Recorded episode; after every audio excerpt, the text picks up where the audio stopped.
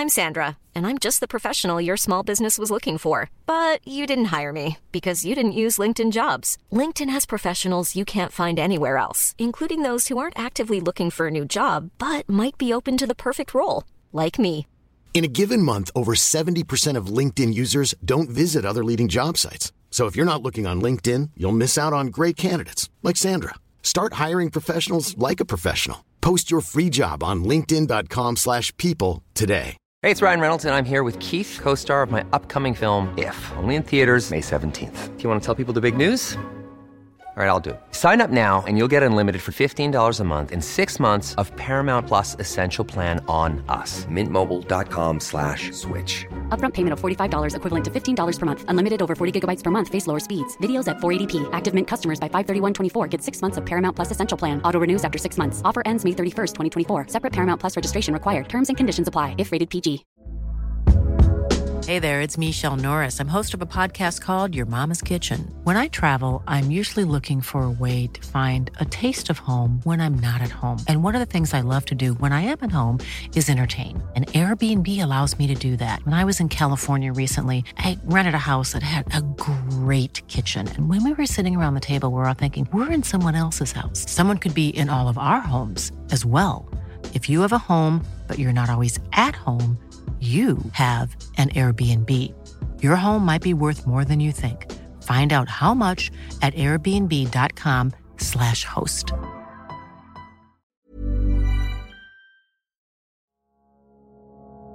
Man, de måste ju kolla bilar som har cirkulerat där då ju. Mm. Ja, men det var därför jag försökte liksom bena ut med dig att hitta liksom en mer exakt tidpunkt för var de kan ha försvunnit. För då blir det väldigt intressant om vem som mötte vilken bil åt vilket håll. Men som du sa, man kan ju åka åt båda hållen sådär. Men... Ja, du är helt inne på rätt spår här liksom. Och det, det, det är ju egentligen de två bilarna jag skulle vilja haft tag i. De som har ja, vistas i de bilarna. Om det är en eller flera, ja det vet vi inte va. Saaben vet jag att det var en. Men den andra, den vet jag inte vad det var. Jag skulle jättegärna vilja ha tag i den bilen. Vilken var bil var det? Ja, men de är säkert inte skyldiga båda två. Som om, om, om någon av de personerna liksom lyssnar på, på det här så, så kan de ju kontakta och berätta vad, vad den andra upple, upplevde. Och det, jag, jag har försökt så många gånger liksom och försökt få polisen att ta reda på vilken, vad var det för någon bil uh, och vem, vem var det som satt i Saaben. Men det, det, har man aldrig velat man har aldrig velat ta reda på det för man hade ju redan tagit den som man tyckte var, skulle fällas för det ju.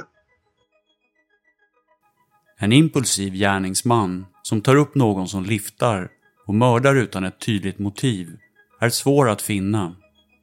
Speciellt om man inte ens vet att han existerar. Men kanske borde Kristianstadspolisen åtminstone ha tittat närmare på den möjligheten. För är det verkligen bara i filmerna som en ung flicka stiger in i fel bil? Ett scenario som passar bra in på Pernillas plötsliga försvinnande. En sak som jag noterade i förundersökningsprotokollet var att när Pernilla försvann så var den absolut första reaktionen hos flera av de vittnen som förhördes att Pernilla kanske kunde ha liftat med någon. Kanske liftade hon med föraren till den vita Volvon med extra ljus i spoilern ned till. En Volvo som Pauls grannar beskrev som en 740. Den såg sakta in och vända på vägen vid Paul och Pernillas hus. Cirka fem minuter senare lämnar den uppfarten i ganska hög hastighet i riktning mot Träne. Kanske så skedde allt det här efter att Paul hade åkt iväg i sin bil 1820 efter att Mats och Inge varit vid huset. Att Pernilla först gick upp på vägen som leder upp bakom deras hus och sedan kom tillbaks efter en stund. Men då fanns ingen kvar i närheten av huset och Paul hade låst dörren. Eller så försvann hon direkt i samband med att hon lämnade huset och då kanske hon liftade med mannen med den tjeckiska hockeyfrillan i den röda saben. Under en hypnos så berättar Paul samma historia som när han anmälde Pernilla försvunnen. Men under hypnosen så minns han också en extra detalj just med mannen med saben. Men vad, den här symbolen du såg då, eh, var, var var den? Eller liksom, kommer du ihåg? Eller vad, hur? Jag kommer ihåg att det var en delfin. Det kommer jag ihåg att jag sa i... i och, och det var som ett, eh, typ som ett klistermärke som satt på bilen. Du vet inte var på bilen? Liksom. Nej, det kommer jag inte. Men, men eh, ren, rent spontant eh, med tanke på att jag vet eh, att jag, jag gick ner där till, till bilen och bilen var uppbackad. Va? Antingen måste någon ha suttit i, i, i blickfånget. Eh, antingen skulle någon ha suttit på kofferten med tanke på att det var väldigt, väldigt, väldigt mörkt. Va? Så eh, är det egentligen uteslutet att det kan inte ha suttit på kofferten. Han hade ju billampan tänd inne. Va? Ja, sitter på bakrutan då eller? Ja, Du lyssnar på podcasten Motiv och I skuggan av skuld. En dokumentärserie i sex delar av och med mig, Alexander Mork. Del 6. Ödesdigra misstag. Eh, sen går det givetvis en annan tes det blir många saker det kommer väldigt intressant med tanke på att den tesen som du har är också väldigt roligt med tanke på att vid fyndplatsen där säger ju folk att man har bland annat sett en van. Men man har aldrig sökt upp vilken vänen var, vem som äger vanen. Den har kört i det området där man hittade henne. Under våra samtal så kommer Paul och jag flera gånger in på Pernillas kompis Caroline.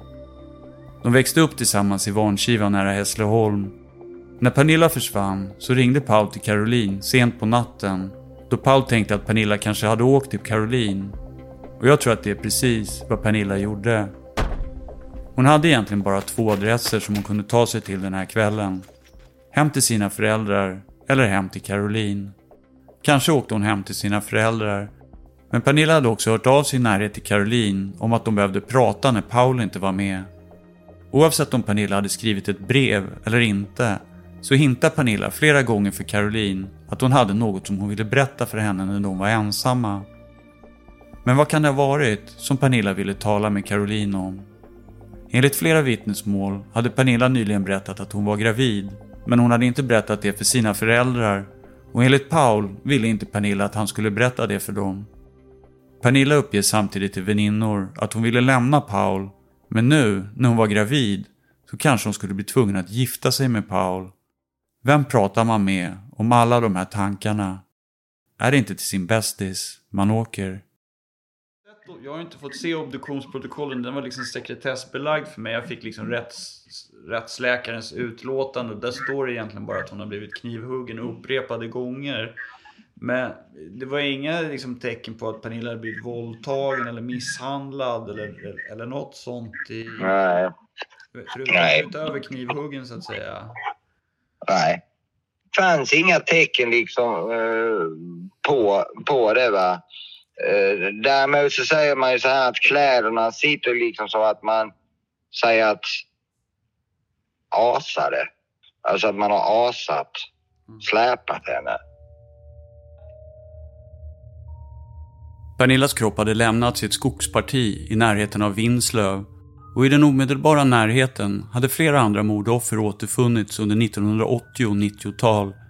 Helene Nilsson i Hörby, Jannike Ekblad i närheten av Hässleholm, Marie Jonsson och Karina Jönsson i Kristianstad och en person som har arbetat på brottsplatsen på flera av de morden är kriminaltekniker Tony Andersson. Ta till exempel eh, hon där ute i Olofsberga. Hon eh, försvann ju då strax innan jul ju va. Ja. Den 18, 18 december. 18 december, ja. Men det var en fredag. Det kommer jag så väl ihåg. Jag, jag var själv där på tekniska roten, jag och en till som heter Börje Englesson. Det var två eller tre då som hade semester där. Va? Så, så ringer vakthavaren till mig och säger att "Ja, vi har ett jävla konstigt försvinnande där ute i Olofsberga. Det försvinnande som Tony Andersson nämner rör mordet på Karina Jönsson i Fjälkinge. Samma Fjälkinge som Pernillas föräldrar bodde i 1991. Bengt Karlsson erkände mordet för kriminalinspektör Monica Olhed efter att man hade hittat Karinas kropp i en snödriva som börjat smälta. Mordet på Karina Jönsson begicks samma datum som Pernilla försvann, fast fem år senare, den 18 december 1996. Pernillas kropp hade ett dolt sväl och täckts med granris och det var något med det som fick mig att reagera. Kriminaltekniker Tony Andersson hade nämligen under vår intervju vittnat om att Bengt Karlsson hade dolt Marie Jonssons kropp under granris i samband med mordet i Kristianstad under hösten 1995. Man gick ju tillbaka sen natten efter och flyttade henne va. Och täckte henne så att säga bättre om jag uttrycker mig så va. Det han hade täckt henne med, eh, stråna där va, som var ganska långa de flesta, den här vegetationen han hade, plockat, han hade skurit av. De låg ju väldigt eh, så att säga parallellt va. Det var liksom inte gjort i en hast utan det hade han gjort omsorgsfullt om jag uttrycker mig så va. Var var cykeln då när du flyttade? Eller, Jag kan inte säga exakt. Men du sa att du täckte över henne. Hur gjorde du när du täckte över henne? Och var fick du tag i grenarna? Var du långt bort och hämtade dem i skogen eller? Nej, som jag måste ta det mesta runt omkring. Som jag kom med. Hur gjorde du när du täckte över henne? Ja, vad fan gjorde jag? Ja, jag för mig bara tog eh, både stora små grenar och kvistar la henne. Och hur la du grenarna över? Kvistarna? Det la jag lite sådär. Mm. Jag kommer ihåg det. Hur flyttade du henne? Hur bar du henne? Jag tror inte jag bar henne direkt. Halvbar. Halvbar? Ja. Hur gör man då? Jag lyfte i överkroppen så att det blev mer typ som släpar nästan. Va? Om du lyfter henne i överkroppen? Mm. Att jag har min arm full med så mot bröstet. Mm. Så jag för mig. Så släpar du henne? Jag typ släp, jag släp egentligen bära. Men släpa henne blev inte... Hade du knäppt upp byxorna innan? Tappade hon inte kläderna då? Hade hon inga skor på fötterna? Hon hade skor på fötterna för mig. Som jag kommer ihåg. Var de kvar när du släpade henne så? Ja, det vill jag minnas faktiskt. Paul är 1,70 lång och Pernilla var cirka 1,62 lång. Under alla sina försök till erkännanden så uppger Paul att när han bar, asade eller släpade Pernilla från huset till bilen och sedan från bilen och sju meter in i skogen så hade hon hela tiden ansiktet uppåt när han släpade henne. Men enligt rättsläkaren så har mördaren släpat Pernilla med ansiktet nedåt mot marken.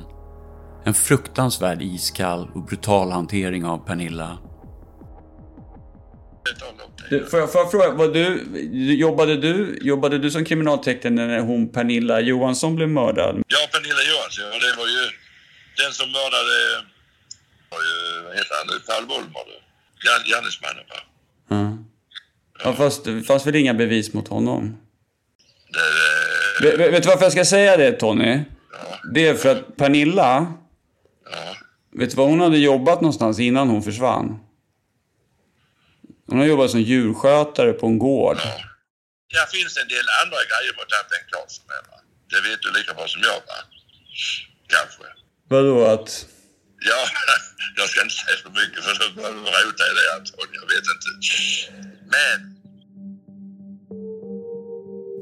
Under vårt samtal om Pernilla så minns kriminaltekniker Tony Andersson en historia som han har hört om Bengt Karlsson som polisen aldrig har fått någon klarhet i om det är påhittat eller en verklig händelse. Men det utspelade sig i ett område som kriminalinspektör Monica Olhed under förhören med Bengt Karlsson fick anledning att tro var lite speciell för honom. Då Bengt Karlsson beskrev flera olika övergrepp som skulle ha utspelat sig i ett friluftsområde i närheten av Önnesta under tidigt 1980-tal. det var ju en kvinna som var ute och gick med en barnvagn. Har du hört talas om det? Och det, och det var där på Bockebodavägen. Och då blev hon omkörd där av en, av en bilist. Va? Men hon var väldigt nära sitt, eh, sin bostad så hon, hon eh, eh vek in på tomten där, tog ut sitt lilla barn, tog det i famnen, gick upp i, i, huset. Och eh, om jag inte har fel för mig så, så la hon ungen på köksgolvet, det var en liten bebis va. Så knackade på dörren va, Mm. ytterdörren. Och då är det en man där som kommer och frågar efter vatten för hans bil, den kokte sa han va. Och eh, jo, det kan jag väl fixa. Så hon går fram vid diskbänken där och, och, och eh, ska ge han vatten. Och då kommer han bakifrån där. En grej i minnet det är från 82, 83, 83 vill jag minnas. Det är exakt va. Det är som jag ska skriva ner på lapp sen. Jaha, det är ingenting jag pratat om. Ja, jag kan väl säga det. Jag vill säkert ta det för mig. Vet du, vi hade inte snackat så mycket om, men det var någon början av en våldtäkt 83 för han var i Brockyboda. I ett hus. Så jag minns, men jag kan inte minnas detaljer exakt så. Det var... Man kör, om du kommer från Hässleholm så kör du upp på den, jag tror det står Brockybodavägen. Det är den lugna vägen rakt upp i... Är det där vi är någonstans? Ja, innan Önnestad är det. ja. Ja. Och det är väl så som du sa, det är Fredriksmålen. Mm. Den vägen. Som jag, jag hade 100% minne med det. Som körde vänster mot eh, stadion. Du vet, framåt vägen delar sig där uppe sen bara. Ja. Och det är... Då är det några kilometer, ett par kilometer kan jag säga, avstånd. Så är det ett hus på höger sida. Efter delningen. Ja, lugnt, alltså ett antal kilometer. Ja. Eller någon kilometer. Som jag minns så de går på och efter. Vad fan det var någonting sånt. Och det var en tjej, kvinna, jag sa ett antal år äldre än vad jag var då. Fan, det var ju fan år 83 sommar. Och eh, jag såg att hon var en- ensam och Då hoppade jag bara liksom på henne. Sen eh, försökte jag liksom så långt jag genomföra en så fanns det bara den här bilden. Det blev liksom inte mer vad det Under förhören med Monica Olhed så framträder egenskaper som påminner om ett nästintill fotografiskt minne. Bengt Karlsson kan med lätthet beskriva vägen till nästan vilken stad som helst i hela Sverige och även beskriva hur det ser ut där. Precis på det sätt som han beskrev Bassköpsvägen som passerar förbi Paul och Pernillas hus, även om det var i en annan tid. Det var väl liksom när jag började med det programmet som jag håller på med nu, mordet på Pernilla Johansson. Ja. Så då fick jag reda på att Pernilla var, djur- hon arbetar som djurskötare. Och Bengt Karlsson är djurskötare. Och Pernilla är uppvuxen på Vankiva gård. Och du hade gått i samma skola som henne, eller hur? Mm. Och, Hon är två år äldre än mig. Jag, kom- jag kommer ihåg henne. Hon bodde på Vanskivagården. Eh, under sin ja, uppväxttid. I alla fall fram till hon gick i... Ja, det måste ju varit i sexan eller något sånt. Mm, hur, långt, hur långt bort ligger din farmors stuga från Vankiva gård? Och äg, ägde de det? Det ligger supernära. Men jag tänker så här, jag tänker så här för att vad jag får höra om den här gården är liksom att de typ hade 300 nötkreatur och, och ganska Absolut, stor... den är enorm. Den är, Det har alltid varit eh, eh, ko, ko, kogård om man säger. Ja. Sen jag var liten har det bara varit kor och mjölk där och stora betesmarker. I Kristianstad så har man ju säkert koll på Vankiva gård och även om du ska köra till Helsingborg från Kristianstad. Eh, idag går ju vägarna annorlunda men du, parkerar ju, du, du passerar ju trafikplats Vankiva när du kör igenom från Kristianstad till, till eh, ja, mot Halmstad eller Helsingborg. Så ligger det ju, svänger av, du kör ju över deras marker liksom. Under den polisutredning som bedrivs mot Ulf Olsson under 2004 och 2005 så aktualiseras mordet på Jannica Ekblad först i samband med att man finner blod från henne i den stuga som Ulf Olsson bodde i 1989. Vad sa du? Kände Ulf och Bengt varandra? Var de medvetna nej, om varandra? Nej, men Ulf och grisen kände varandra. För grisen var ibland på de här festerna som Henrik anordnade som liksom Ulf hade homosexuella kontakter och bokade. Ulf Olsson har till och med målat av grisen i ett förhör, fast det finns inte kvar. Jag har frågat polisen, men den, den teckningen har de gjort sig av med uppenbarligen. Den finns inte i slasken. Nej. Men sen är det ju intressant. Varför, varför vet inte polisen om att grisen och Ulf inte är samma person? Om hon, Angelin, säger att det inte är samma person. Enligt Jannikas väninna Angeli skulle Jannika besöka en kund vid öknamnet Grisen samma kväll som hon blev mördad. Angeli berättar också att hon har blivit utsatt för ett mordförsök fyra dagar efter sitt förhör hos polisen av en man med stora grova händer som varnade henne för att tala om Jannika. Hon tror att mannen som attackerade henne heter Bengt. Angeli är rädd efter mordförsöket och hon vill inte polisanmäla händelsen. Det finns vittnesmål och andra sammanträffanden som gör att jag tycker att man bör utreda möjligheten att det kan ha funnits flera gärningsmän som har samarbetat. I flera vittnesförhör i olika mordutredningar så dyker beskrivningen av en man med sandréfärgat hår upp.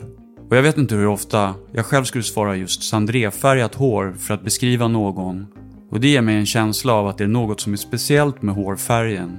Att beskrivningen är ganska exakt. Jannikas väninna Angeli beskriver deras gemensamma kund, sexköparen Grisen, som hon tycker ser äcklig ut. Han är cirka 1,75 lång, har bruna tänder som upplevs som halva och han har en underlig frisyr med en överkammad flint och håret beskrivs som sandrefärgat. Samma dag som Jannica Ekblad mördas så ser ett annat vittne Jannica bli grovt misshandlad av en man i närheten av en vit Volvo. Förmodligen en 245 och mannen har sandrefärgat hår. 1991, när Pernilla försvinner två år senare, så ser Paul Volmer en man med sandrefärgad hockeyfrilla i en röd Saab. Och även fast han bara hinner se mannen några ögonblick på avstånd så registrerar Paul också en något speciell frisyr. Men det verkar också som att det är två olika personer med sandrefärgat hår som beskrivs. En lång och en lite kortare och tjockare. Kanske har de båda sandrefärgat hår. Och kanske så är det två personer som känner varandra mycket väl. De, de blandar ihop Bengt och grisen med någon socialarbetare och tror att grisen är en och samma person. Och den de förhör heter ju inte Bengt. Det är lite underligt att ingen ens reagerar över det. För mig är ju grisen en av de väsentligaste personerna i hela storyn. Alltså, ja, och Bengt såklart. Eh, Men grisen måste ju sitta på någonting eftersom eftersom de, det är nästan bekräftat att det är grisen och någon annan som hämtar eh, Jannica, eller hur? Ja. Så då tänker jag ju att grisen måste ju veta vem den här personen han kommer att hämta henne med är. Ja. Och, och det finns ju ingen annan än honom som vet. Han måste veta var de tar henne, vad som händer henne. Om inte... Han ska, hon ska ju hem till honom. Ja, och då är det ju förmodligen här ute då. Efter att ha talat med den lyssnare som funnit grisens stuga så blir en sak nu helt kristallklar. I en artikel från 1998 så står det tydligt att åklagare Christer Ström säger att Jannikas väninna har pekat ut stugan i Vanskiva i närheten av Hässleholm. Att det var i den stugan som hon och Jannika besökte grisen. Polisen förhör därför den 46-åriga man från Helsingborg som bodde där under 1989. Och den mannen bör då vara den man som Angeli har benämnt som grisen. För, för mig är det jättesvårt att, att, att ta in att, att inte han är mer väsentlig i polisens utredning. Jag, jag fattar inte det riktigt. Om alla bekräftar att den här grisen, men det är för att de har blandat ihop honom då helt enkelt skulle det kunna vara. Men så klumpigt kan det inte vara. Alltså det kan inte vara så klumpigt om man gör en sån mordutredning som är en av de största, att man missar den här karaktären och tror att det är en ja, Bengt i vissa fall och Ulf i vissa fall. Alltså det är bara superdåligt. Eh, Ja, det, får, det får ju mig att tro att man har gjort det medvetet för det är så dåligt. Det går liksom inte att misslyckas med det nästan. Nej. jag, jag berättade väl det för dig att man inte kan kolla bilar före 1994 om man inte har ett säk- registreringsnummer. Ja. Så liksom, jag har ju kollat bilar på personnummer och sånt men, men allting innan 94 då krävs det liksom ett registreringsnummer för att få reda på vem den var registrerad på. Jag hittade inga misstänkta bilar på honom då med, eftersom jag inte kunde gå tillbaka till 1994 men jag bad också in- Varför skulle Jannikas väninna Angeli plötsligt komma på att det egentligen var en annan stuga som de har besökt tillsammans? När hon blir tillfrågad igen sex år senare i samband med polisutredningen mot Ulf Olsson 2004. Varför skulle Angeli i efterhand ändra sitt vittnesmål? Kan det bero på att polisen har DNA-bevis mot Ulf Olsson och därför påpekar för Angeli att hon nog kanske måste ha tagit fel 1998? För det som inte går ihop med Angelis vittnesmål är att man i juli 2004 finner blod i Ulf Olssons stuga när Angeli säger att Jannica ska ha besökt grisens stuga samma kväll som hon mördades. Det är därför osannolikt att det skulle finnas något blod från Jannica Ekblad i Ulf Olssons stuga. Och ändå så har man hittat blod där. För att få klarhet har jag försökt få tillgång till den vallning som polisen gör med Angeli 2004. Men vallningen har belagts med sekretess och allmänheten får därför inte ta del av den. Du lägger upp ett åtal mot en person och säger Mm. att ja, men han har begått mordet på Helene Nilsson för det finns spermier där. Ja, men det räcker inte. Vi måste ha mer bevis än Mm. det för att kunna fälla honom. Mm. Eller hur? Okej? Så under loppet av från 1 juni, från 28 maj till 7 juli så uppstår tre olika bevis. Mm. Samtal rings in, men ni hittar inte dem. Förs aldrig upp till er i gruppen som någon utredning runt omkring det. Så ni vet inte om de här samtalen förrän i september får ni reda dem. Så, okej? så det är död information, den vet ni inte om överhuvudtaget. Vad menar du nu? När du, när du berättar historien nu så låter det som att ni visste att han hade ringt in när han blev arresterad, men det visste ni ju inte. Liksom, Eh, alla de, alla de bevisen hittas, simkortet hittas den 26 Jo. augusti och analyseras Jo. den 13 september Jo, men nu ska 2004. jag, det kan jag förklara. Det vet jag hur det gick till. Först och främst, om vi tar simkortet så tar vi blodet sen. Eh, eller vi kan ta blodet först. För I Paul Wollmers fall blir det faktum att han har erkänt mordet under förhör omöjligt för nämndemän och domare att bortse från under rättegången. Varför skulle Paul erkänna om han inte är skyldig? Och även i Ulf Olssons fall är det ett falskt bevis som fäller avgörandet. så får Per-Åke, våran chef, Per-Åke Åkesson, alltså han som inte lever längre. Jag kallar honom för Pelle nu för att inte blanda ihop honom med någon annan. Vi kallar honom för Pelle. Då får Pelle information om, det kanske var Per-Åke Åkesson som ringde honom. Och talar om att eh, han hade blivit uppringd av en person. Han sa inte Ulf, han sa ju en man då. Eh, som hade ja, sagt att det var han, han tog dem båda och så här. Den 26 augusti 2004 klockan 15.55 utförs den sista och avgörande husrannsakan i Ulf Olssons bostad i Vimmerby. Ett protokoll över beslagen upprättas av en Gunnar Karlsson som dock glömmer att signera protokollet. Och det, det är en sån där sak som får en att stanna upp lite och fundera över hur det kommer sig att ett så viktigt protokoll inte är signerat.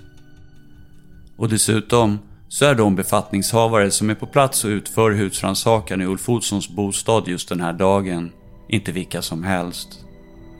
Kriminalkommissarie Per-Åke Åkesson, kriminalinspektör Lars Lindqvist, kommissarie B Jonsson med flera är närvarande i Ulf Olssons lilla bostad. Under husrannsakan den här dagen, den 26 augusti 2004, så sker något magiskt. Jag vill minnas att Per-Åke, eller Pelle fick den här informationen. Och sen åker jag ner och förhör Per-Åke Åkesson och då berättar han de här uppgifterna. Och det sker i september 2004. Är det då jag håller förhöret? När hittar man i- simkortet? i alla vänta, vänta, vänta. du När håller- hittar man simkortet? Det var i... 26 augusti. Okej, då var det precis tvärtom vad jag trodde. För då var det så här, vi hade inte informationen om det här Per-Åke Åkesson hade varit Nej. med om förrän simkortet hittades. Nej, precis. Då, så ingen, Ja, precis. Ingen visste ju om det. Ingen visste ju om det först i september 2004. Nej, nej, men Ulf Olsson. Jag, jag har ju kollat alla förhör som Ja, du håller med Ulf ja, ja. Olsson. Inget förhör så pratar ni om det telefonsamtalet. Det tas aldrig upp Nej, överhuvudtaget. men då har kanske Göran gjort det då. Ja, men det står inte i protokollet så att det går inte att läsa. Ja, men det, måste, det är självklart att vi har tagit upp det. det nej, men, men, nej, men ni visste ju Någon inte har tagit då. upp det. Ja, ja, för att om någon ställer en fråga i de förhören, om de Ja. telefonsamtalen, så röjer de sig själva. För ni får inte reda på det förrän i september. Det är då Nej, vi när vi kollar, har- analyserar och, får, Mm. och du förhör Per-Åke Åkesson. Det är tre månader efter Ulf Olsson har Ja. blivit häktad. Ja, men det är väl då vi får vetskap om det här. För grejen är att när simkortet väl hittades, då fick vi ju se att samtalet hade ringts. Och det var då vi kontaktade Per-Åke Åkesson. Och jag får inte kanske... Kan inte... Ett simkort i form av ett 250 kronors kontantkort återfinns i en bröstficka på en av Ulf Olssons jackor och på ett litet köksbord finner polisen två stycken Nokia mobiltelefoner. Några veckor senare, den 16 september 2004, när analysen av det beslagtagna simkortet och mobiltelefonerna är klara, så upptäcker polisen att de fyra samtal som har registrerats på simkortet har ringts till den pensionerade kriminalkommissarien Per-Åke Åkesson, alltså till fel Per-Åke Åkesson. Med hjälp av det nya beviset i form av simkortet så kan den riktiga kriminalkommissarie Per-Åke Åkesson och förundersökningsledare, chefsåklagare Per Andersson nu knyta Ulf Olsson till alla andra brev och samtal med erkännanden som mottagits genom åren och därmed också till båda morden. Eftersom att den som har ringt in och erkänt samt skrivit breven till polisen hela tiden sagt Helen och Jannica, jag tog dem båda. En beviskedja uppenbarar sig. De olika tekniska bevisen samverkar nu med varandra. Fallet är löst. Ulf Olsson döms till livstids fängelse för mordet på Helene Nilsson och Jannica Ekblad. Men det är inte det som är magiskt. Utan det är när man skärskådar protokollet över beslagen av mobiltelefonen och simkortet den 26 augusti som den verkliga magin uppstår. Ja, men, men du får förklara för mig, hur kan det komma sig att man gör sex husrannsakningar i hans lägenhet utan att beslagta en telefon och sen plötsligt den 26 augusti så beslagtar man en telefon? I Ulf Olssons lägenhet. Ja. Sex stycken husrannsakningar. ja. Va, Har du va, tittat va, på varför hittade man aldrig? De husrannsakningar som gjordes. Den första husrannsakan. Eh, nu är min fråga här, för jag vet inte exakt. Jag vet att piketen hämtade honom. Var det, var det från Kalmar eller var kom de ifrån? När de grep honom. Jag tror nästan det. Har de skrivit en personell husrannsakan på det? Är det reella eller personella husrannsakningar du pratar om nu? Ja, det är beslagtagna, liksom, en lista på beslagen. Liksom. Ja, är det det första husrannsakan? Ja, det är flera olika. Kristianstadspolisens trolleritrick finns kvar än idag då det har dokumenterats på sidan 874 och 890 i förundersökningsprotokollet. Polisen finner inga mobiltelefoner under den första husrannsakan som genomförs hemma hos Ulf Olsson den 24 juni. När polisen fem dagar senare, den 29 juni 2004, genomför sin andra husrannsakan i Ulf Olssons bostad så dokumenterar de och beslagtar en almanacka och en dagbok märkt 2004 som ligger på Ulf Olssons köksbord. Kristianstadspolisen ska sedan under juli månad komma att söka igenom lägenheten två gånger till men inte heller under dessa två husrannsakan registreras några mobiltelefoner på köksbordet. Och jag vet inte hur många det var. Och då tittar du, om de gör en husrannsakan först så hittar de en massa grejer och tar det. Visst, jag kan hålla med om att sex husrannsakningar är mycket. För det var ju ingen jättestor lägenhet. Men är det i lägenheten allting? Eller är det någon Mm. av dem som är i ett källarförråd? Någon som är i ett Nej. vindsförråd? Allt är för, allting i hans lägenhet.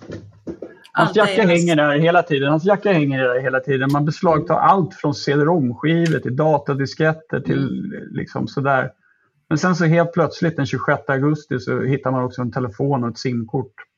Ja, det är, men de... eh, Du har hela förundersökningen. När den sista husrannsakan genomförs den 26 augusti 2004 är supersnuten kriminalkommissarie Per-Åke Åkesson och hans team på plats Och de som ska ha knäckt gåtan och lyckats finna bevis mot Ulf Olsson genom hårt och genialiskt arbete finner direkt två mobiltelefoner på köksbordet och ett simkort i en bröstficka.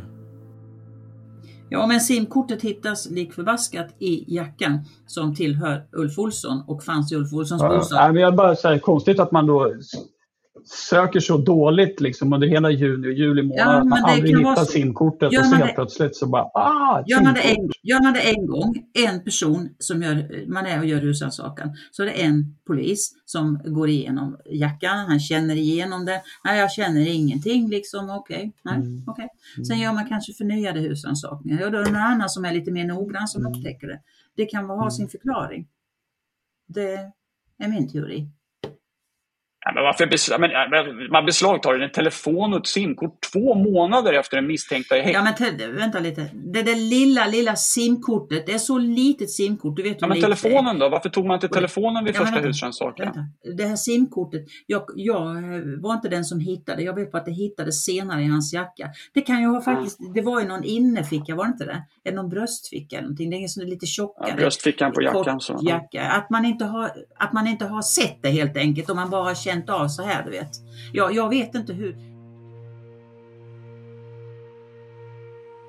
Men är det verkligen rimligt att Per-Åke Åkessons kollegor Rune Jonsson, Bodil Andertun, Bo Svensson, Börje Ingelsson, Karin Hansson eller Bobby Boderosa helt ska ha missat att beslagta två mobiltelefoner på köksbordet under de fyra husrannsakan som de genomfört sedan tidigare hemma hos Ulf Olsson. För om alla andra poliser inte har slarvat och missat att det hela tiden låg två mobiltelefoner på Ulf Olssons köksbord så ser det ut som att två nya objekt plötsligt trollas fram och på ett magiskt sätt landar på Ulf Olssons köksbord en kort tid innan den 26 augusti 2004. Och då, då har Ulf Olsson suttit häktad, avskild från verkligheten i nästan två månader. Men, men jag håller fullständigt med om vissa saker. Det finns oklarheter. Det kommer jag aldrig att sticka under stol med. Det finns många frågetecken. Det gör det. Mm. Men eh, jag, eh, Mm. jag anser inte som du att allt, allting är planterat, allting är fel och så vidare. Det, det köper inte jag. Mm. Mm. Men från... Nej, jag, jag, har inte, jag har Mm. inte trott att du ska göra det. Ärligt talat så att jag, jag, jag, är helt, jag, är helt, jag helt förstår det. Liksom. Så där jag, jag har bara känt ett ansvar att, Mm. att, att berätta för dig vad jag har kommit fram till och hur jag kommer att, att, att berätta det så att du, du vet om det. För det vill jag att du ska veta även om Men du jag tror funderar fortfarande på, du vill lämna den här till polisen för att man ska få liksom ett försprång. Om det är så sen att, att, att, att något av det jag säger går att bevisa så kommer det ju vara så. Och, och då har du ändå fått veta det i tid tycker jag. Så känner jag. så. Mm. Jo, jo, men det beror ju på hur du lägger fram det liksom. Mm. Om du lägger fram det som att polisen har planterat bevisning och polisen har gjort det och det, Nej. det är klart att det blir... nej, nej. nej. Och det här med simkortet, det köper jag inte alls det du säger, för det tror jag inte att eh, någon eh, förare av den här röda Saaben skulle ha planterat in där i den här fickan. Nix, det tror jag inte på. Ta sig till Ulfs bostad i Vimmerby, ta sig in i en lägenhet som förmodligen med största sannolikhet är avspärrad, ta sig in där och plantera in ett simkort.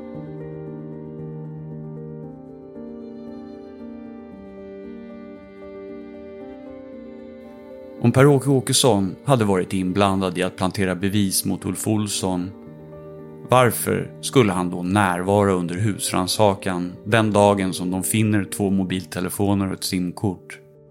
Det vore ett på tok för klumpigt agerande att synas i protokollet och sådana misstag skulle aldrig en polis med hans erfarenhet begå. Per-Åke Åkessons närvaro under husrannsakan hade nog istället den funktionen att när man väl fann mobiltelefonerna och simkortet i Ulf Olssons lägenhet så skulle ingen komma att ifrågasätta fyndens äkthet. Chefen var ju där, han var med på plats. Men kanske blev han ditlurad. Kanske var det någon annan som var där den dagen men som inte har sitt namn med på protokollet utan istället är en av dem som benämns som med flera. Någon som var där och då under husrannsakan och fortfarande är i livet kanske minns vilka som var där. Det skulle i så fall vara mycket viktig information för polisen. Det är nämligen inte alls orimligt att anta att den som har placerat mobiltelefonen och simkortet i Ulf Olssons lägenhet är högst delaktig i både mordet på Helen Nilsson och Jannike Ekblad. Och att bevismaterialen har planterats där för att något annat inte får uppdagas. Nej, men det finns saker, det här med bilolyckan. Det, alltså visst. Jag tänker, kan jag få, kan jag få berätta? Ja, gör det så kan vi... Efter att vi hade talat så, så ställdes jag inför dilemmat att eh, Jannica Ekblad, Mm. det fanns ingenting som pekade på att Ulf Olsson hade dödat Jannica Ekblad. Eh, alltså var jag än tittade så hittade jag inte Ulf någonstans. Och det som blev ett jätte, jätte, jättestort problem då för mig var att det här är ju ett indiciemål där det är tre olika tekniska bevis som har fällt en människa bortom rimligt tvivel. Men ett av de här indicierna verkade vara felaktigt. Alltså, det verkade verkligen som att bevisen mot Ulf Olsson i förhållande till Jannica Ekblad var felaktigt. Det som slog mig då var att de andra också kunde vara felaktiga eftersom de hörde ihop och hade använt sitt åtal som hörde ihop. Så att jag började tvivla på om Ulf Olsson någonsin hade mördat Helene Nilsson om han inte hade mördat Jannica Ekblad.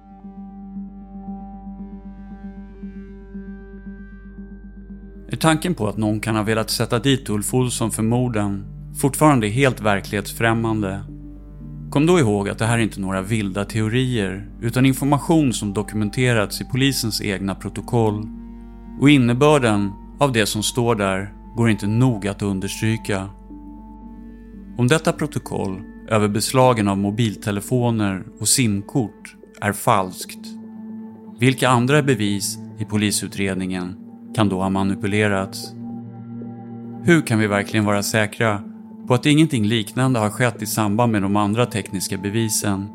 Med det DNA som återfanns? Med det blod från Jannica Ekblad som återfanns 2004 i den stuga som Ulf Olsson bodde i 1989? En stuga där grannar noterat att en grå Mercedes varit i närheten flera gånger i samband med utredningen 2004 när Ulf Olsson satt häktad. Därför menar jag att Jannikas blod, den mängden som finns enligt eh, eh, teknikerna och de som har gjort brottsplatsundersökningen, så innebär det att hon måste ha dödats i stugan, så mycket blod som det har funnits där.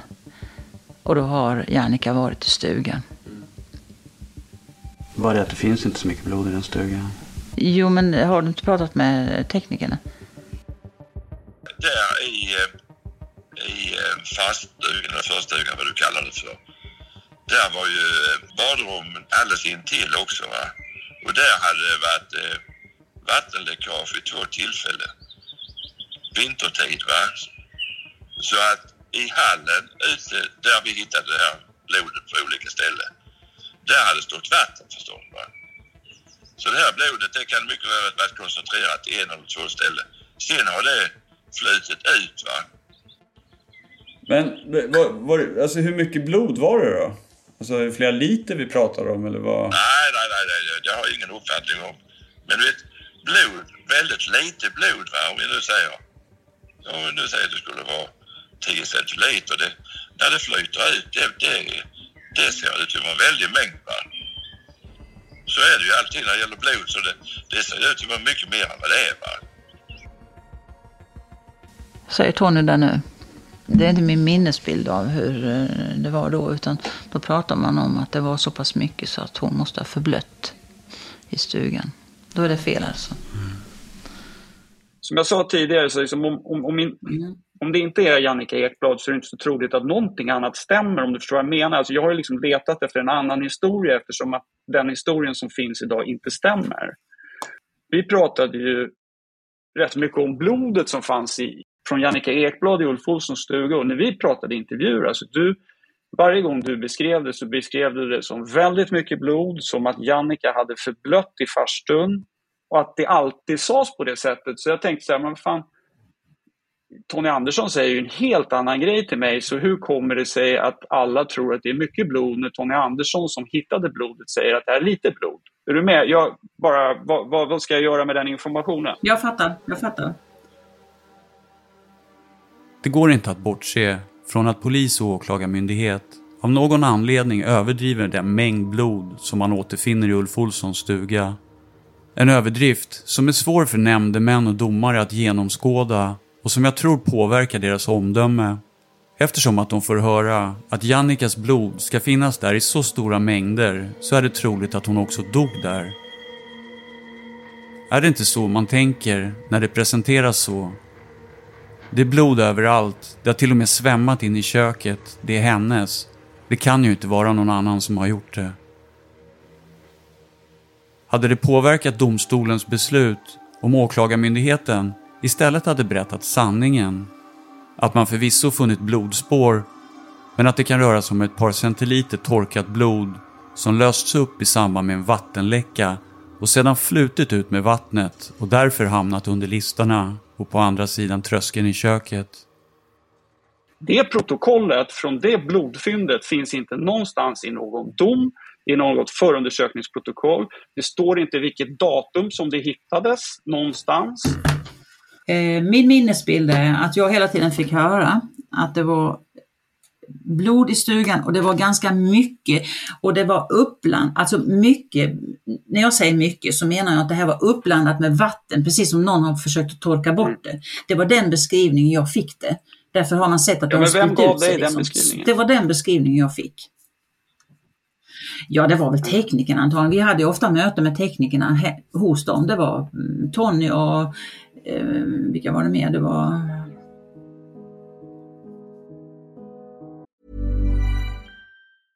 Cool fact a crocodile can't stick out its tongue. Also, you can get health insurance for a month or just under a year in some states. United Healthcare short term insurance plans, underwritten by Golden Rule Insurance Company, offer flexible, budget friendly coverage for you. Learn more at uh1.com. Many of us have those stubborn pounds that seem impossible to lose, no matter how good we eat or how hard we work out. My solution is PlushCare. PlushCare is a leading telehealth provider with doctors who are there for you day and night to partner with you in your weight loss journey. They can prescribe FDA-approved weight loss medications like Wagovi and Zepbound for those who qualify.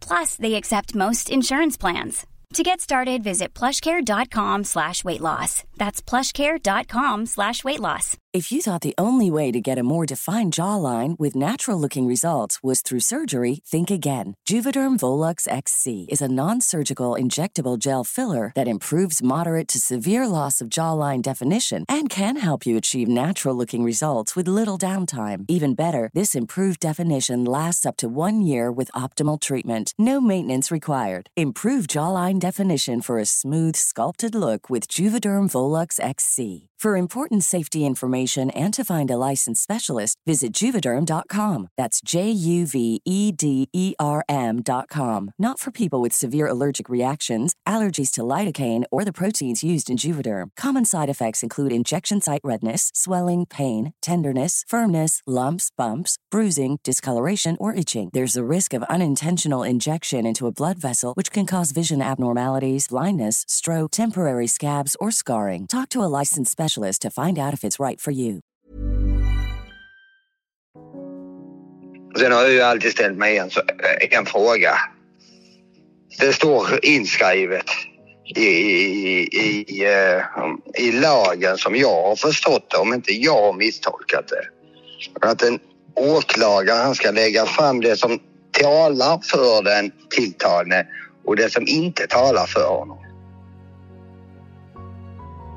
När en åklagare presenterar ett åtal så ska det innehålla den sammantagna bevisningen så att rätten ska kunna avgöra om det är ställt bortom rimligt tvivel att det har gått till på det sätt som åklagaren menar.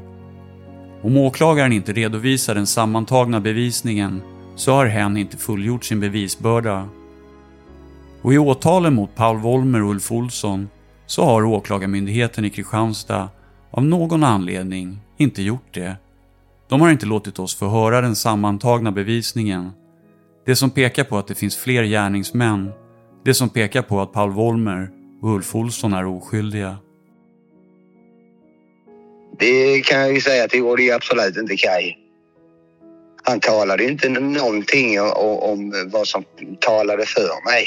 Ja, alltså jag har ju varit med om precis samma sak i, i Ulf Olssons fall. Att, att eh, åklagarna, åklagaren i det fallet också presenterar saker som de borde veta inte stämmer. Men som att de bara vill vinna åtalet och, och ja, döljer fakta liksom.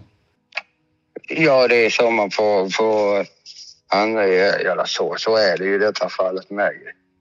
Och, och de största bovarna i hela detta jävla dramat det är poliser. Okompetenta jävla poliser. Förlåt uttrycket men det är det det handlar om. Va? Jag har svårt att se det på något annat sätt. Sen är det ju så orättvist på något sätt att du, du drabbas av det faktum att om, om man ska säga så här, ja men vänta lite här nu, det här är ju fel. Det här erkännandet har liksom forcerats fram av polisen. Det, det innebär ju också per, per automatik att de måste utreda sig själva. Om du är åklagare Kaj Larsson så kanske det är lättare att sätta fast dig än att gå och säga, vet ni vad, hela den här poliskåren är korrupt. De har tvingat fram ett erkännande, ni måste utreda det. Jag tror att det är väldigt svårt för en åklagare att våga säga en sån sak överhuvudtaget.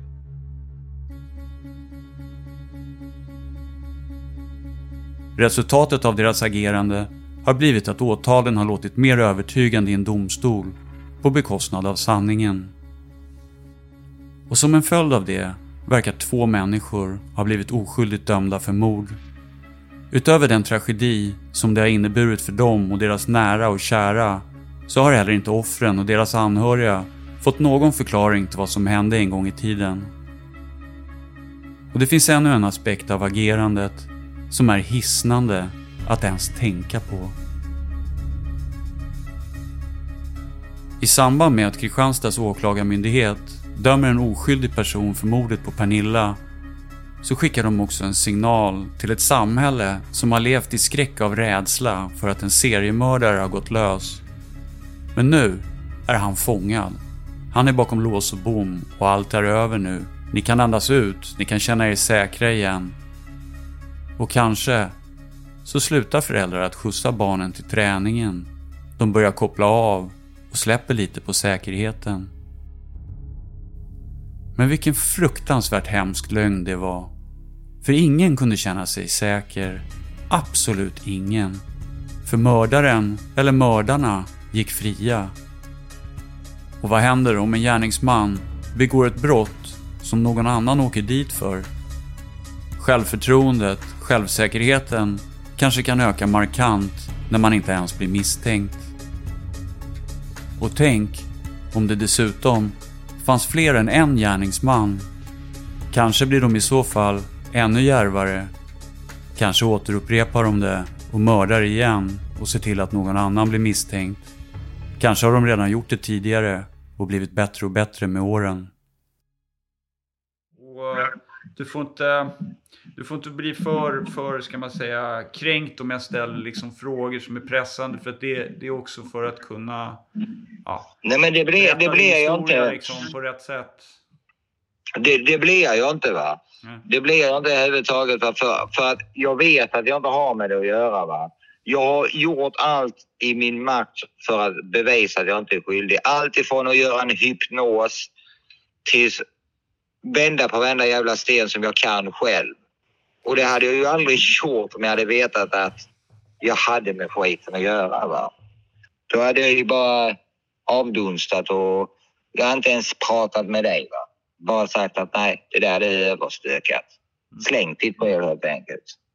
Samtidigt är det så på det sättet att jag ser min skyldighet. Jag är den enda i den här skiten. Alltså den som har tagit mest skada av detta det är jag Pernillas föräldrar, syskon och mina föräldrar. Va? Även min släkt. Och jag ser det, det enda man kan göra liksom detta det är bara att försöka få upprättelse så långt man kan. Va? Sen om Sverige anser att det ska finnas en viss procent folk som ska vara oskyldigt dömda. Va? Ja, då får det stå för dem, men då ska allmänheten veta det också. Absolut, det är helt min inställning också. Därför jag tycker det är så viktigt att berätta historierna. För att För att eh, ja, det är för allas bästa så att säga. Allas säkerhet i framtiden och barnens framtid och allt.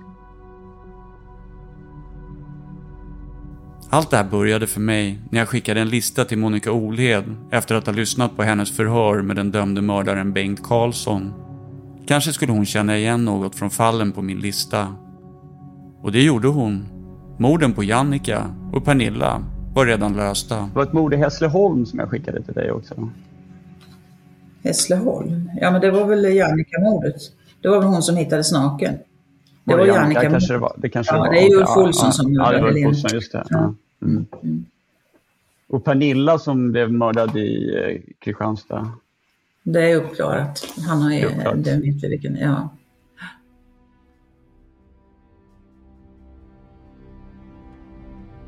Men jag hade skickat fler fall till Monica Olhed som påminde om Bengt Karlssons tillvägagångssätt.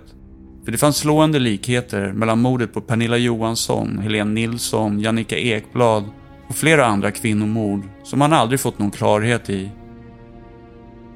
Någon månad innan mordet på Jannica Ekblad så återfinns en 35-årig kvinna mördad längs vägrenen i Götlunda nära Skövde. Hon har kraftiga skador på huvudet och mordet har skett på en annan plats och kroppen har slängts i diket. En månad senare, i augusti, mördas Jannica Ekblad. Hon har strypts och lämnats naken intill en vägren. Och bara fem veckor senare, i september 1989, så återfanns den 29-åriga Sabba Karlsson mördad på ett liknande sätt i Delsjön i Göteborg. I ett område där det sedan tidigare hade varit flera ouppklarade brott. Lista till dig. Vi har pratat om ett par mord och så vidare. Men eh, Busaba Karlsson i Delsjön.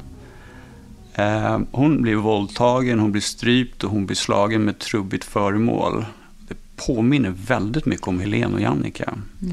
Men jag fattar aldrig varför inte det mordet inkluderas i kommunikationen med polisen. Men eh, mycket pekar på att Bengt Karlsson skulle kunna vara inblandad Ja, i gör- Karlssons mord. Och nu har vi i så fall då Bengt Karlsson inblandad i Jannica eventuellt och, Busaba Karlsson. Tionde- Jag tror inte Bengt Karlsson är inblandad i Annika-mordet.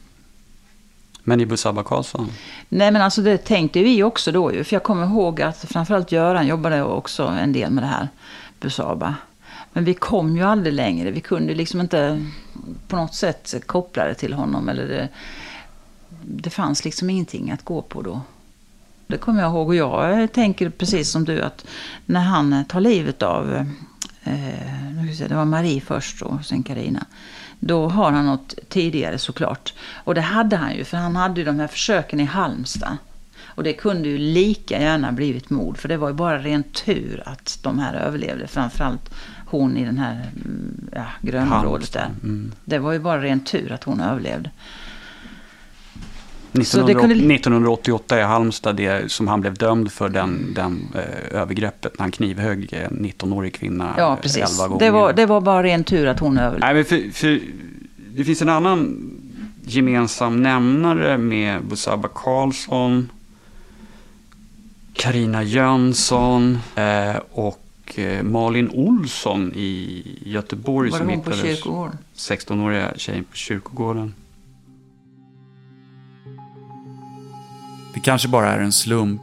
Men när man behöver använda den förklaringen så många gånger när man studerar kriminalfall så ökar misstänksamheten. Varför dyker slumpen upp så ofta? Kan det finnas en annan historia som kan ge en mer rationell förklaring och där vi inte behöver förlita oss på slumpen? Till slut blir det för många udda sammanträffanden som skaver. För utöver de sedan tidigare lösta morden på Pernilla Johansson, Helene Nilsson och Jannica Ekblad så dök det upp så många olösta kvinnomord i mina sökningar. Och det som var underligt med de andra morden var att de alla fortfarande var olösta. Har polisen över åren missat flera olika gärningsmän med nästan exakt samma tillvägagångssätt?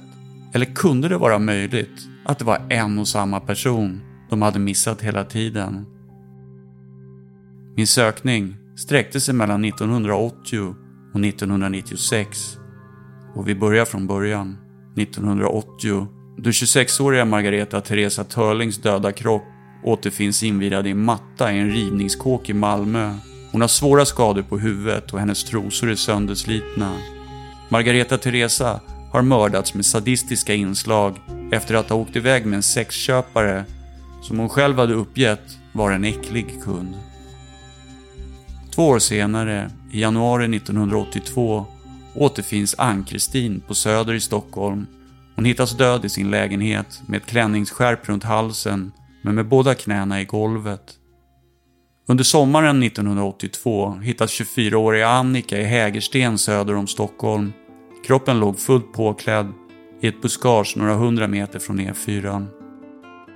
Några månader senare i december återfinns 17-åriga Elisabeths nakna kropp på gränsen mellan Upplands Väsby och Sigtuna i ett buskage några hundra meter från E4. Två år senare, 1984, så återfinns 27-åriga Katrina da Costas sönderskurna kropp i sopsäckar på två platser intill E4, på gränsen mellan Stockholm och Solna. I juni 1992 strypmördas 18-åriga Anna Jensen i Eskilstuna och återfinns i en skogsdunge. Och 22-åriga Helena Andersson i Mariestad försvinner för alltid. 1994 stryps den 16-åriga Malin Olsson till döds med ett skärp och lämnas på en kyrkogård i Göteborg. 1995 mördas en 30-årig kvinna i en tvättstuga i Örebro. I november 1996 huggs en 36-årig kvinna ihjäl i en tvättstuga på Docentgatan i Malmö. I november 1996 försvinner 16-åriga Malin Lindström efter en bussresa och återfinns sex månader senare i ett skogsområde. Hon har blivit våldtagen och knivhuggen till döds. Flera av offren var prostituerade, några hade återfunnits längs E4, några i vägrenen, några i en skogsdunge, några bredvid ett motionsspår och andra i tvättstugan.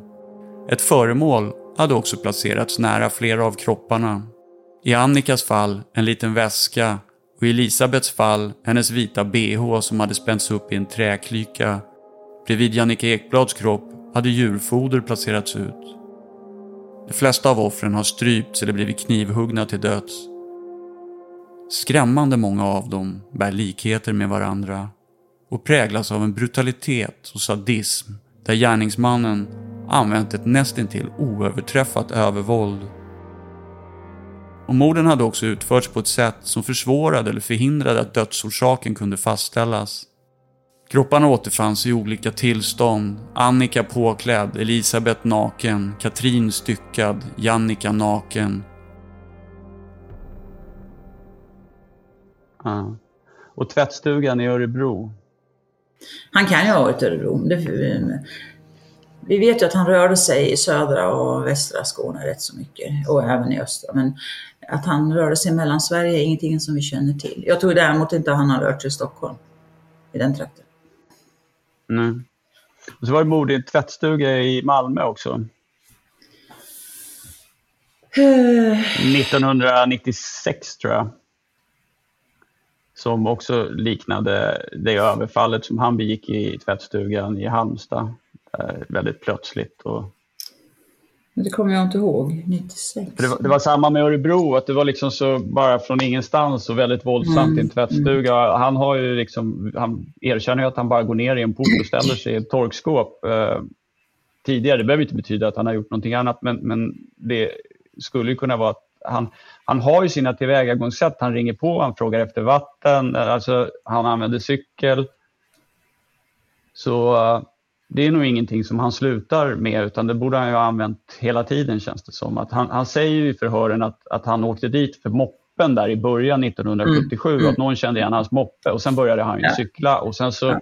pratar han ju väldigt mycket om hur mycket han kör bil fram och tillbaks. Och, mm. Ja, alltså jag säger, jag, jag kan ju varken säga bu eller bä där om, om jag misstänker honom för att jag vet inte, jag, jag kan ju inte detaljer om de här utredningarna. Det är ju så att de som har utrett de här brotten, det är de som har detaljerna. Sen är det ju samma sekretess som gäller i, inom polisen som på många andra ställen. Att jag har inte bara rätt att hux flux gå in i andra utredningar och, och läsa igenom dem.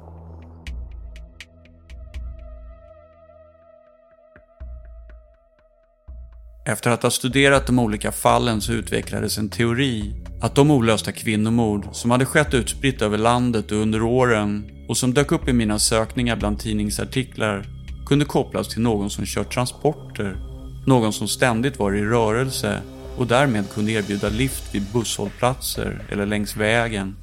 Och samtidigt kunde lämna kropparna långt från brottsplatsen och därmed hela tiden lyckats städa bort bevismaterial i lugn och ro och försvårat polisutredningar.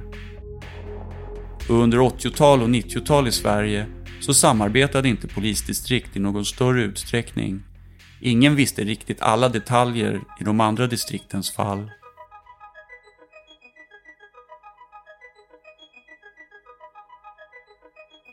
Och det som är väldigt, väldigt besynnerligt är att nästan alla de här kvinnomorden som dök upp i mina sökningar fortfarande är olösta än idag.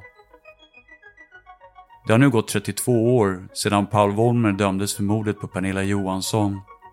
För 18 år sedan dömdes Ulf Olsson till rättspsykiatrisk vård för morden på Helene Nilsson och Jannica Ekblad. Är det inte dags att börja söka efter älgen? Ja, jag kommer att säga vad jag tror och tänker. Eh, och jag kommer att säga emot dig på vissa saker här, det har du förstått nu. så, Absolut, så du vet det har du gjort hela tiden. Så det har varit en, en, del, ditt motstånd har ju varit liksom en del för att jag har velat ja. försöka mm. förstå, Men det jag tycker förstå är vad som har hänt. beklagligt. Oh, mina hörlurar. Det som är beklagligt är att du inte har all information när du går igenom. Det tycker jag till exempel. Men samtidigt, även om jag hade haft all information så jag kan liksom inte, jag är ingen advokat, jag kan inte... Nej men jag, jag tänker att om du hade haft all information från slaskningen, jag menar inte att du ska gå igenom allt som finns från det inkommet. Men till exempel om för alla förhören kring det här med eh, Sabina och hennes föräldrar. Jag, jag menar ju att det måste finnas information om vilka de här bilarna var där. Det, det bör det absolut göra. Ja, men jag menar att det kanske, det kanske inte liksom... Jag är bara övertygad om att de bilarna är inblandade men det kanske inte är min uppgift att, att utreda det. Förstår jag? menar, jag har inte access, jag, jag har försökt. Nej, jag måste det ändå jag. respektera min rädsla för vad jag har hittat. Även om det låter helt tokigt och sådär. Jag menar, det, det, det, är liksom, det är som Perry Mason, liksom. vad fan, det, det händer ju inte. Men tänk om det händer. Tänk om det har hänt.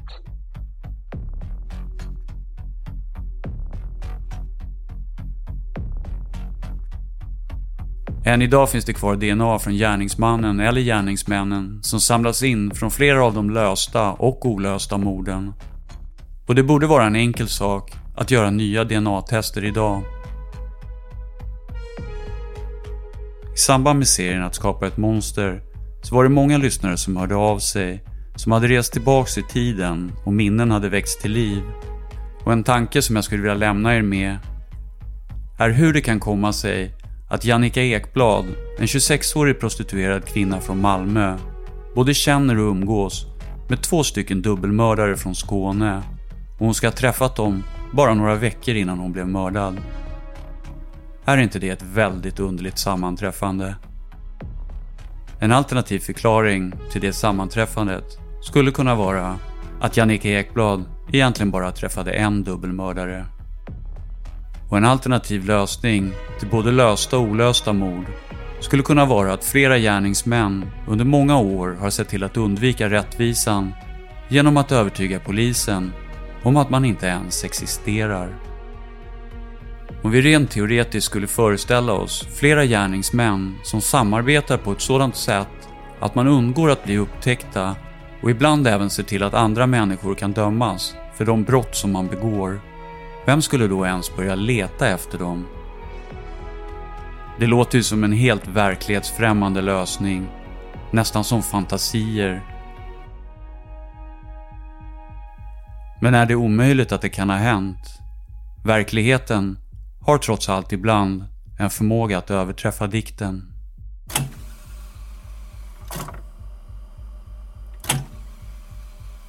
01.27. Klockan är 14.00. Det är Bengt Karlsson. Förhörsledare Monica Ohed och närvarande på Lars Magnusson. Platspolisstation i Kristianstad. Läser kom ihåg från polisvärlden var de var polisanmälda. Va? de, när det inte står någonting, då vet jag att de har blivit misshandlade eller inte. Va? Hur har det påverkat dig? Det är inte på något speciellt vis. Det? Har du aldrig varit rädd för att nu kommer någon och hämtar mig? Någon kommer på det? Har du, inte? Det har du aldrig tänkt tanken på att jag har ju faktiskt tagit livet av mig? Det var väl kanske i början lite, fanns tanken va, men att det kunde hända. Sen tänkte jag nej. För att ju mer jag läste typ så tidningar man hörde, och det, ju, ju mer säker blev jag. Säker på att... Inte bli upptäckt. Så kände jag som jag kom hem. Hey, folks, I'm Mark Marin from the WTF Podcast, and this episode is brought to you by Kleenex Ultra Soft Tissues, your ally to help tackle your allergy symptoms this season. I love the change of seasons, but nobody loves pollen and all those other things floating in the air that make you sneeze during this nice weather. Kleenex Ultra Soft Tissues are hypoallergenic and allergist approved, so fight back against watery eyes and runny noses without worrying about irritating your skin. For this allergy season, grab Kleenex and face allergies head on. Så var det bara liksom. Men du säger att du läste tidningarna och du blev mer och mer säker på att, de, att eh, polisen eller inte skulle upptäcka då vem som hade gjort det. Ja. Jag, jag kände det så. var det bara risken för upptäckt? Eller vad var det egentligen som du tänkte då? Risken för att bli upptäckt? För vad som skulle hända dig? Eller? Det var väl mer... Det var mer upptäckt. Liksom, Mm. Mm. Jag kan inte minnas liksom något annat. Det var bara liksom det här med att bli. Vad, vad som skulle hända om jag blev upptäckt, det tänkte jag inte.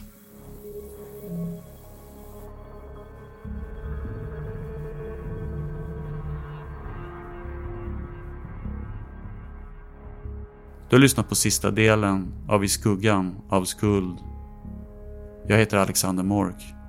Tack för att du har lyssnat. I skuggan av skuld producerades av Alexander Mork. Exekutiv producent Nils Bergman.